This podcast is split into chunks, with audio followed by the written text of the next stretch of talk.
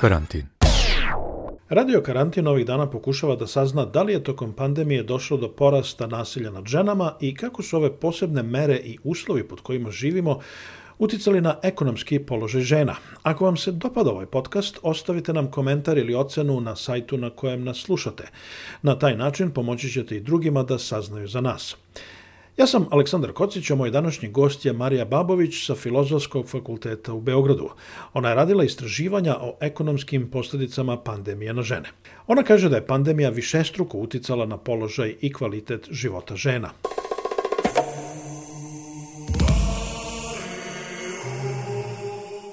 Vi ste ovih e, dana radili jedno istraživanje na temu e, uticaja pandemije na položaj žena u Srbiji, u ekonomskom, u socijalnom smislu. Šta su glavni zaključci vašeg istraživanja? E, mi smo zapravo sproveli više tih istraživanja još od samog početka, od kada je pandemija izbila i od kada je tad prvi put proglašeno vanredno stanje, sad već ima više od godinu dana i zapravo sva ta istraživanja su pokazala da je uticaj na položaj žena, na njihove uslove života, kvalitet života, višestruko pogođen pandemijom. Radili smo istraživanje na opšte populacije žena, ali smo radili istraživanja i na uticaja na neke specifične grupe žena kao što su žene koje žive na selu, preduzetnice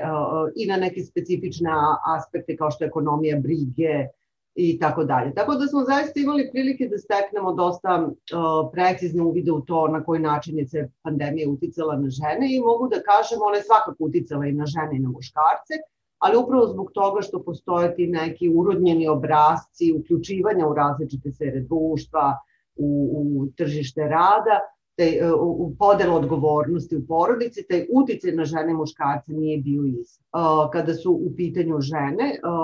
moram da kažem da je sa jedne strane njihov uticaj recimo na gubitak posla, u principu ono što pokazuje i anketa o radnoj snazi, sad je objavljena i anketa za čitavu 2020. godinu, efekat u smislu gubitka posla i deaktivacije bio veći na muškarci što ne iznenađuje upravo zbog toga što su žene visoko skoncentrisane u sektorima koji su bili veoma važni tokom pandemije. Sada pre svega mislim na sektor zdravstva. E, u sektoru zdravstva, dakle, 80% zaposlenih su žene i taj je sektor zapravo visoko počivao, izrazito počivao na toj ženskoj radnoj snazi, a opet sa druge strane neki sektori koji su bili više pogođeni, pandemijom e, neke oblasti proizvodnje, ugostiteljstvo, naročito i tako dalje. To su i sektori koji zapošljavaju muškarce. U tom smislu efekat je bio da se jedan veći broj muškaraca nego žena deaktivira i izađe privremeno makar, a možda i trajnije sa tržišta rada. Uh, dakle, ali opet kada uporedimo sad neke specifične grupe žena, na primjer žene na selu su grupa koje, među kojom je najviše onih koji su izgubili posao tokom pandemije, dakle, ako uporedimo žene i muškarce u gradu i žene i muškarce na selu, dakle, žene koje žive u selskim područjima, mi znamo da u Srbiji dalje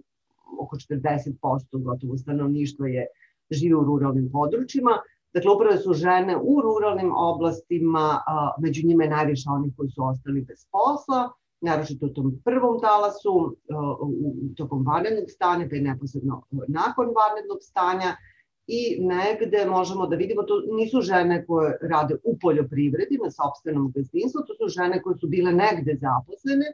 i koje su zapravo bile zaposlene u tim nekim oblicima prekadnog rada, dakle sa nekim privremenim ugovorima, bez ugovora, dakle na crno, e, morale su da putuju do posla, pa je sa ukidanjem javnog saobraćaja to bilo nemoguće, ne prosto nisu mogli da i odgovore na zahteve poslodavaca da odlaze na posao, deca koje više nisu išla u školu, nije imao ko da ih čuva i jedan broj žena, a naročito žena na selu je rekao da je i to bio važan razlog e,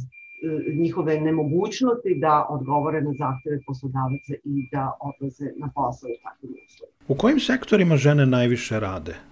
Žene su vrlo visoko skoncentrisane u sektorima socijalnih usluga, dakle to su obrazovanje, zdravstvo, socijalni rad, socijalna zaštita, trgovina takođe, Zatim, naravno,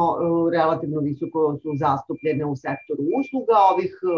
sada pre svega mislim na lične usluge, dakle tu ima jedan čitav spektar usluga koje potpuno u njima dominiraju žene, kao što su frizeraj, kozmetički saloni i tako dalje. Vi znate da su oni, takođe evo i sad su ponovo bili zatvoreni neko vreme ovom poslednjem talasu mera.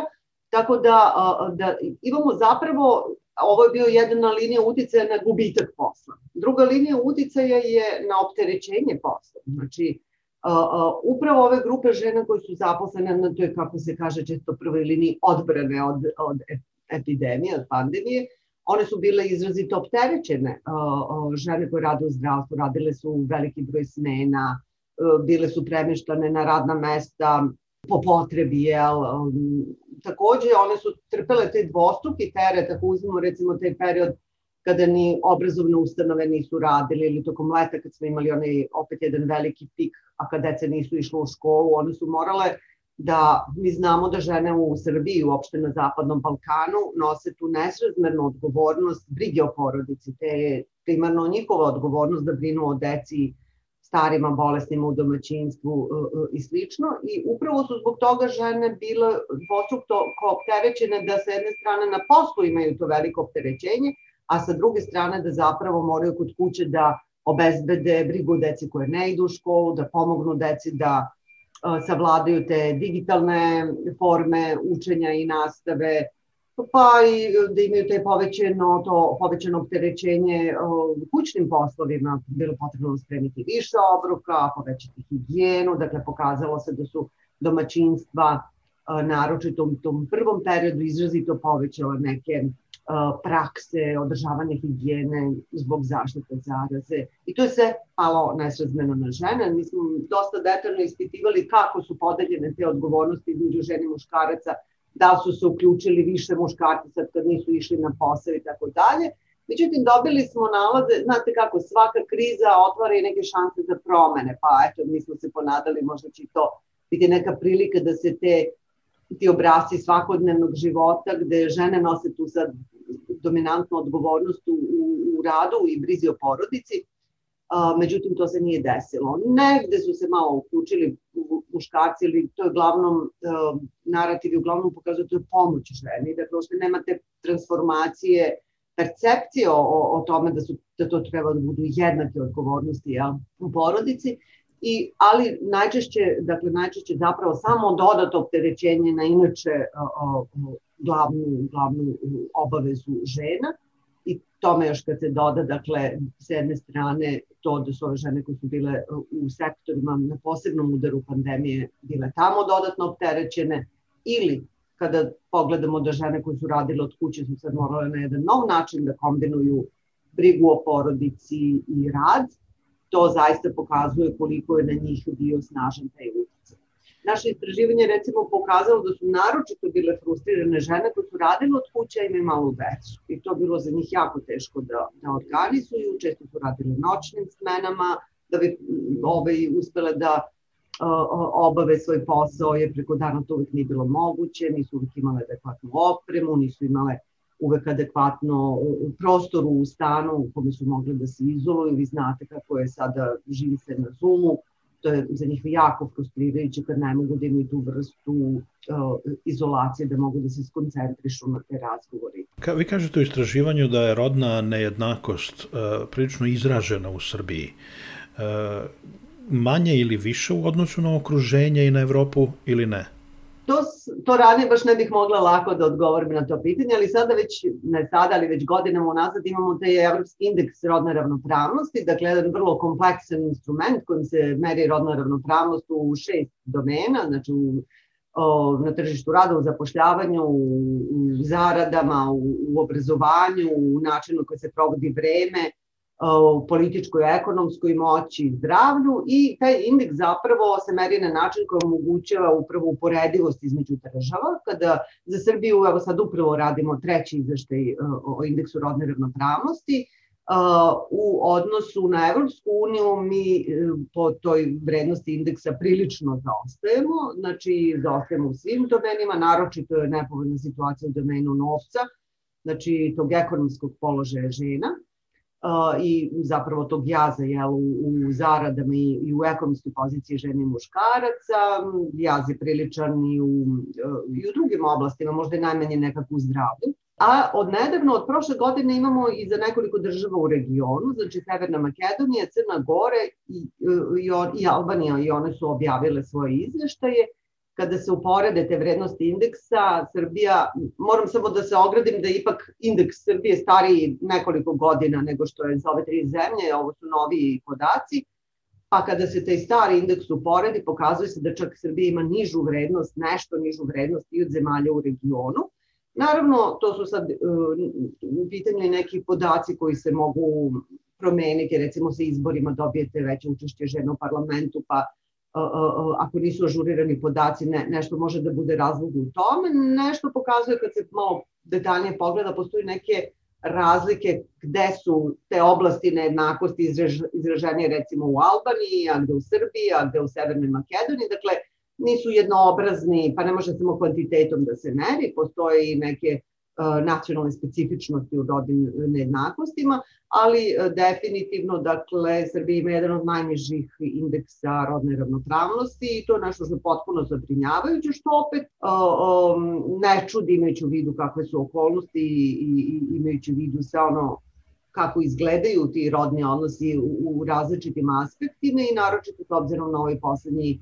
višegodišnji period jačanja autokratskih tendencija, desničarskih diskursa,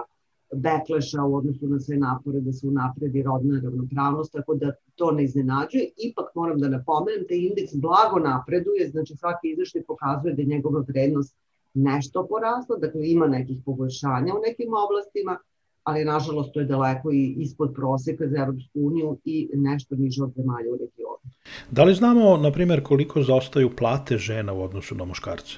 Merenje jaza u zaradama je dosta pro, problematičan posao i tu u Srbiji nemamo ta redovna izračunavanja koja bi se lako uporedila recimo sa Evropskom unijom, Imamo nekoliko različitih načina kako se to računa. Imate jednu vrstu mere koja pokazuje e, grubo razlike u zaradama. One čisto reflektuju zapravo razlike u, u, u toj segregaciji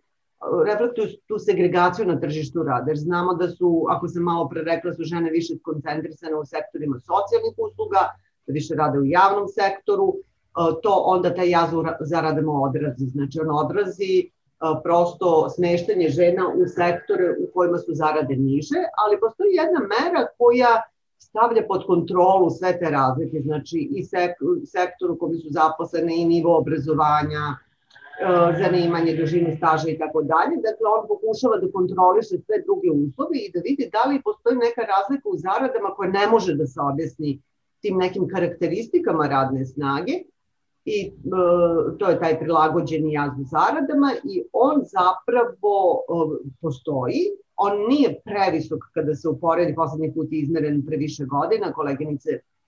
sa ekonomskog fakulteta su ga izmerile, e, nije previsok, dakle u odnosu na neke države članice Evropske unije on bi se mogao smatrati i nižim ili umerenim,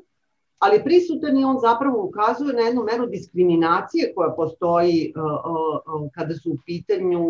poslovi jednake vrednosti. Žene, dakle, u odnosu na muškarce isti karakteristika imaju niže zarade, koje ne mogu dakle da se objasne nije nikakvim drugim razlikom i to se smara, smatra tom merom diskriminacije. On je naročito izražen u privatnom sektoru, vrlo je mali u javnom sektoru i to je nešto što bi trebalo da bude predmet ozbiljnih politika, ali nažalost za sada nije kao što nije ni segregacija koja je vrlo izražena i koja zapravo raste negde. Čak i ovaj indeks za rodnu ravnopravnost pokazuje da recimo imate poboljšanje u oblasti participacije, dakle više žena se uključuje na primjer na tržište rada ili se pošljava, ali e, imamo negativne trendove u pogledu segregacije, dakle još izraženije, one se razmeštaju u neke sektore koje se smatruju tradicionalno ženskim i gde su uslovi nepovoljniji za zarade, za napredovanje e, u karijeri, prosto za neke mogućnosti, teže se zapošljavaju, tu ima manje radnih mesta, znate da je bilo i dosta ograničenja u zapošljavanju recimo u javnom sektoru. A šta se zna o zastupljenosti žena u vlasti e, na svim nivoima? Srbija ima e, ženu na mestu premijera, ima nekoliko potpredsednica vlade i uopšte ministarki, ali kako to onda izgleda kad se, kad se krene dalje e, prema regionalnom i, i, i opštinskom nivou? To i što se vidi i na vrhu, rekla bih da je to čista kozmetika. Ja ne bih rekla da je to veliki pomak za učešće žena u političkom životu. Žene koje se nalaze visoko u vlasti, one potpuno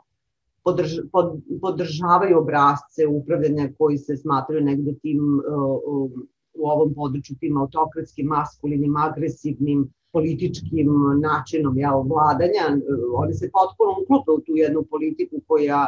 ne donosi nikakvu transformaciju u smislu rodne ravnopravnosti, ne donosi nikako stvarno povećano učešće žena koje sada mogu da utiču, različite grupe žena sa svojim interesima da utiču na neke politike, na razvojne procese. Nikada nismo manje imali učešća civilnog društva pa i ženskih organizacija. Vi znate da ovde mi imamo jednu tradiciju jakog ženskog pokreta, još od socijalizma imamo grupe žene i tu neku kulturu ženskog aktivizma. Žene se ne libe da se uključe u, u te neke procese. Imali smo važan utjecaj ženskih grupa na mirotvorne procese, na, na suprotstavljanje ratu, jake feminističke grupe, dakle, vrlo različite civilne organizacije koje se bave različitim grupama žena, invalidkinjama, ženama na selu, udruženjima profesorki, dakle od, od, od, od u svim pravcima jel, društvene strukture žene nekako se organizuju, ali nikada veći jaz nije bio u odnosu na politiku, u odnosu na vlast, te grupe ne participiraju ni u kakvom donošenju odluka, zakona, a što se tiče ovih žena koji su integrisane u političke partije, one dakle čim se uključe u te političke partije, one prosto, htele ili ne htele, vremenom moraju da prihvate te obrazce klijentelizma, partijske patronaže, lojalnosti i one jednostavno tu služe, one super ovako služe da se tu prebroji sad po Srbije ima 40% žena u parlamentu,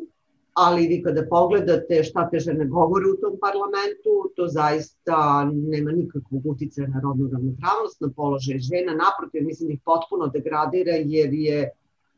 njihova kidnapovana je ta agenda potpuno od tih desničarskih grupa od, koje sada sede u parlamentu. I ovaj, kada pogledate još niže na tim nivoima vlasti, tu opet imate, zahvaljujući zakonu, zakoni su to što, što ovaj, dovede do te promene, vi imate povećano učešće u tim odborima, u, skupšti, u skupštinama lokalnih vlasti, ali vi opet nemate puno žena među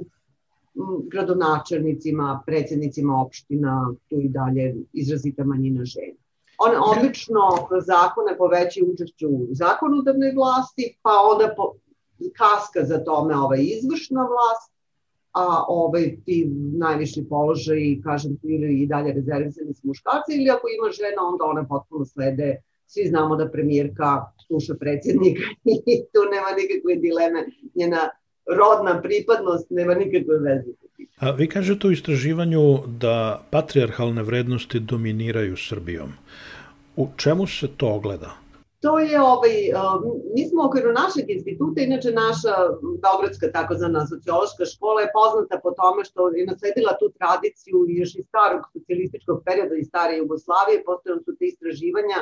kojima su se ispitivale promene u društvenoj strukturi i promene u vrednostima, obrazcima, kulturama i tako dalje. I to je nešto što mislim da je jako vredno, zahvaljujući tome, ponavljajući Evo sve do danas, poslednje istraživanje je bilo 2018. godine, naravno uz neke manje, uz neke promene, ali s mogućnostima da uporedimo, da imamo te dugotrene trendove da vidimo,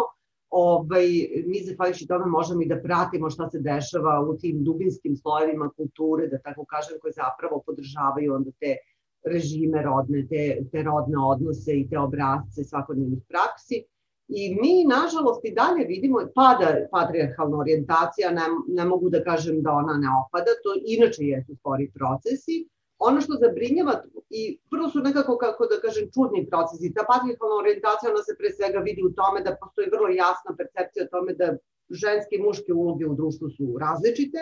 Ženama su primerenije uloge, dakle one koje su vezane za domaćinstvo, porodicu, sferu privatnosti, one treba zapravo da mi tu emocionalno, ekspresivnu ulogu, jel, kako bi rekao Parsons, treba da pruže tu vrstu podrške drugima, jel, a muškarci su ti kojima su primerenije javne uloge, oni su ti koji treba da donose odluke, rade, zarađuju, pružaju tu neku vrstu zaštitno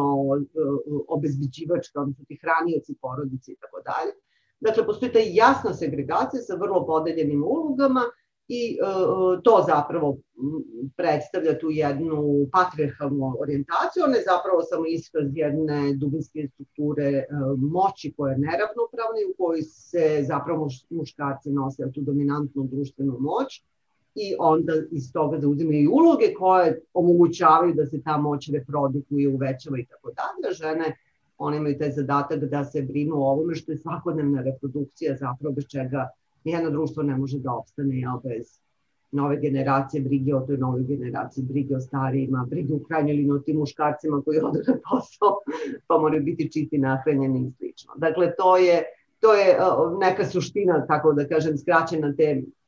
patriarchalne orijentacije i mi vidimo kroz ova istraživanja da ona polako opada, njoj ne idu u prilog sadašnji obraci, oblici vlasti, krize u kojima te autoritarne vlasti jačaju, mi vidimo da recimo kod mladih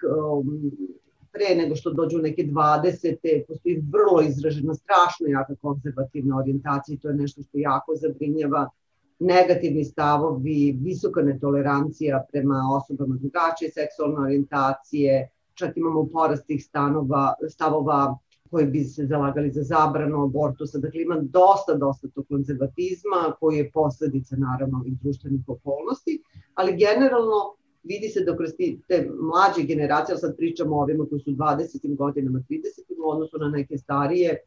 neki pomaci se vidi generalno, dakle patriarchalna orijentacija opada, ali i dalje ona visoka. Vi ćete naći u Srbiji da recimo 60% muškaraca i više od 50% žena se slaže sa stavom da sa, ako samo jedan u porodici, u paru može da bude zaposlen, da je prirodnije da to bude muškarac, recimo to je jedan stav koji iskazuje tako jednu patriarchalnu orijentaciju i recimo sa njim se slaže i većina žena i većina muškaraca. Mada razlika postoje, žene su manje, manje patrijarhalne nego muškarci. Da li mislite da se te patrijarhalne vrednosti ogledaju ili čak da idemo toliko daleko da kažemo podhranjuju u medijima, pošto vidimo da srpski mediji, pre svega štampani mediji, u prilikoj, prilično velikoj meri e, forsiraju e, seksizam, žene su seksualni objekti e, i ima puno govora mizoginije, e, da li je to, mislite, da li on, praktično da li mediji podhranjuju e, patrijarhalne vrednosti u Srbiji? Jeste, nažalost, apsolutno je to tako. Većina, apsolutna većina medija. Mislim, možda ima svega nekoliko medija da ih nabrimo na prste koji, e, koji su rodno osvešćeni i rodno odgovorni, da tako kažem. Ostali mediji samo se razlikuju forme, da li je to jedna vulgarna to prikazivanje žene i korišćenje kao seksualnih objekata ili to prikazivanje žena kao nekih tradicionalnih dobrih majki i domaćica. Dakle, forme se nekako razlikuju, zavisi da gledate sad neke nacionalnu televiziju ili neke privatne kanale koji su emituju neke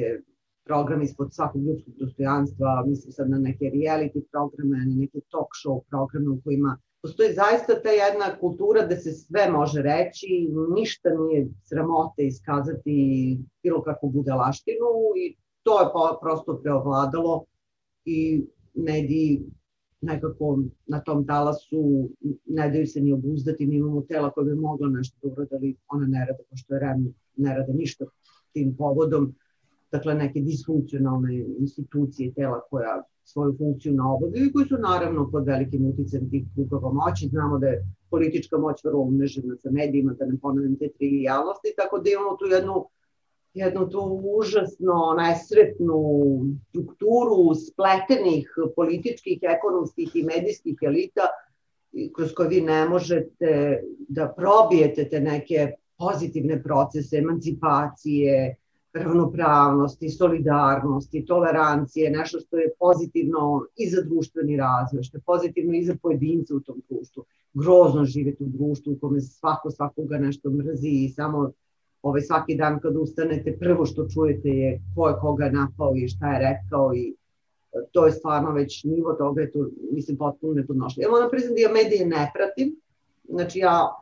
ovoliko znam bez sistematskih uvidima koleginica, baš kolega koji se time ozbiljno bave, ono malo što do mene dopre je stvarno toliko strašno, ja televiziju, recimo televizijske programe nisam gledala jako, jako dugo, ako nešto pogledam, da se upoznam, to je uglavnom preko interneta. A kažete mi evo na kraju, da li mislite da ova pandemija a, može da bude nekakva prekretnica u pozitivnom smislu, jer evo videli smo da bez lekara, da bez medicinskih sestara ne možemo da funkcionišemo, a, videli smo da a, veliki broj ključnih poslova rade žene, od e, nege prema starim e, licima do e, ugostiteljstva, frizerskih salona i tako dalje, pa do ovih mnogo, ne znam, stručnijih poslova. Da li ste optimista ili ne? Pa ja inače jesam optimista, ali nekad mi se čini da je mnogo lakše biti optimista, lakše se živi kad ste optimista nego kad ste pesimista. Ali nekako posle ovih godinu dana i na početku sam imala više tog optimizma. Prosto vodeći se idejom da, znate, dok se ne rastoči nešto prethodno, nešto novo ne može da se pomoli. Nažalost, ovih godinu dana je pokazalo da ono što, što se dešava u stvari ide još na gore. Znači, još su restriktivnije sada, tolike su restrikcije na ljudskim pravima. Kad pogledate osnovna prava od kretanja, ne znam, okupljanja, zbog pandemije ili ko, gde se pandemija koristi kao izgovor, da bi se prosto povukla neka ljudska prava za koje nismo mogli da verujemo pre tri godine da nam je rekao da stvarno to nam pravo će nam biti uskraćeno, da se zapravo situacije koriste da se učvrste neki odnosi moći, da se da, da, da zapravo potpuno nekako je pažnja otišla u, u drugom pravcu i sve ono gde, gde ono što je jedina nada jeste da kad se pogoršavaju uslovi, onda raste reakcija, po, počinje da se formira onaj pokret koji dok se ne sudari, da tako kažem, sa velikim preprekama, ne dobije tu motivaciju da raste. Ja se nadam da samo u tom smislu može doći do radikalizacije, da tako kažem, boljeg organizovanja, artikulacije interesa sa ove druge strane, dakle različiti grupa građana pre svega koji su sada u Srbiji isključeni iz iz svih procesa, sad je to još delom pod pandemije i otežano, pa uključujući i ove ženske grupe koje su tu sad da podrže kao što ste opisali, dajte lečite, držite decu, e,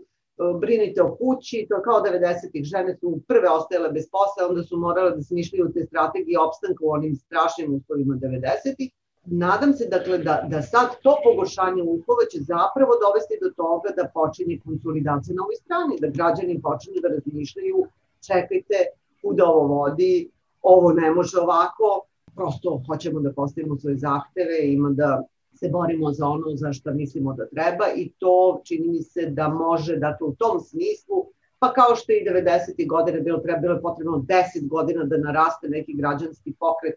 da dođe do, do svrgavanja vlasti, da počne neki reformski proces, pa evo vidimo sad kako se to završilo, ali takve su društveni procesi, nekad spori, nažalost neke generacije izgube u tome većine, veće delove svojih života, pa posle takvih perioda mora da dođe i do nekih kontra procesa. To je jedina moja nada, ali nisam preveliki optimista, nažalost, posle ovih godinu dana i posle svega ovoga što se u Srbiji dešavalo,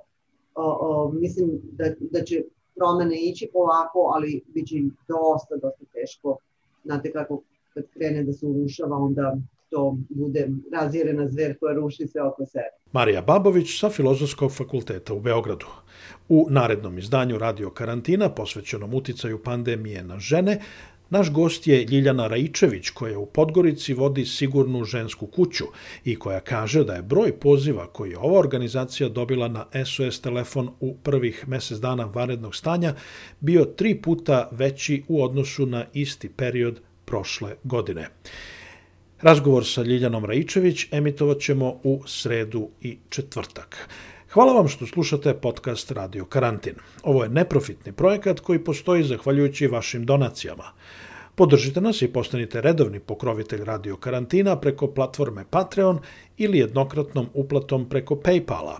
Na našem sajtu radiokarantin.eu naći ćete informacije o tome kako možete da nam pomognete uplatom iz bilo kog kraja sveta. Veliki pozdrav!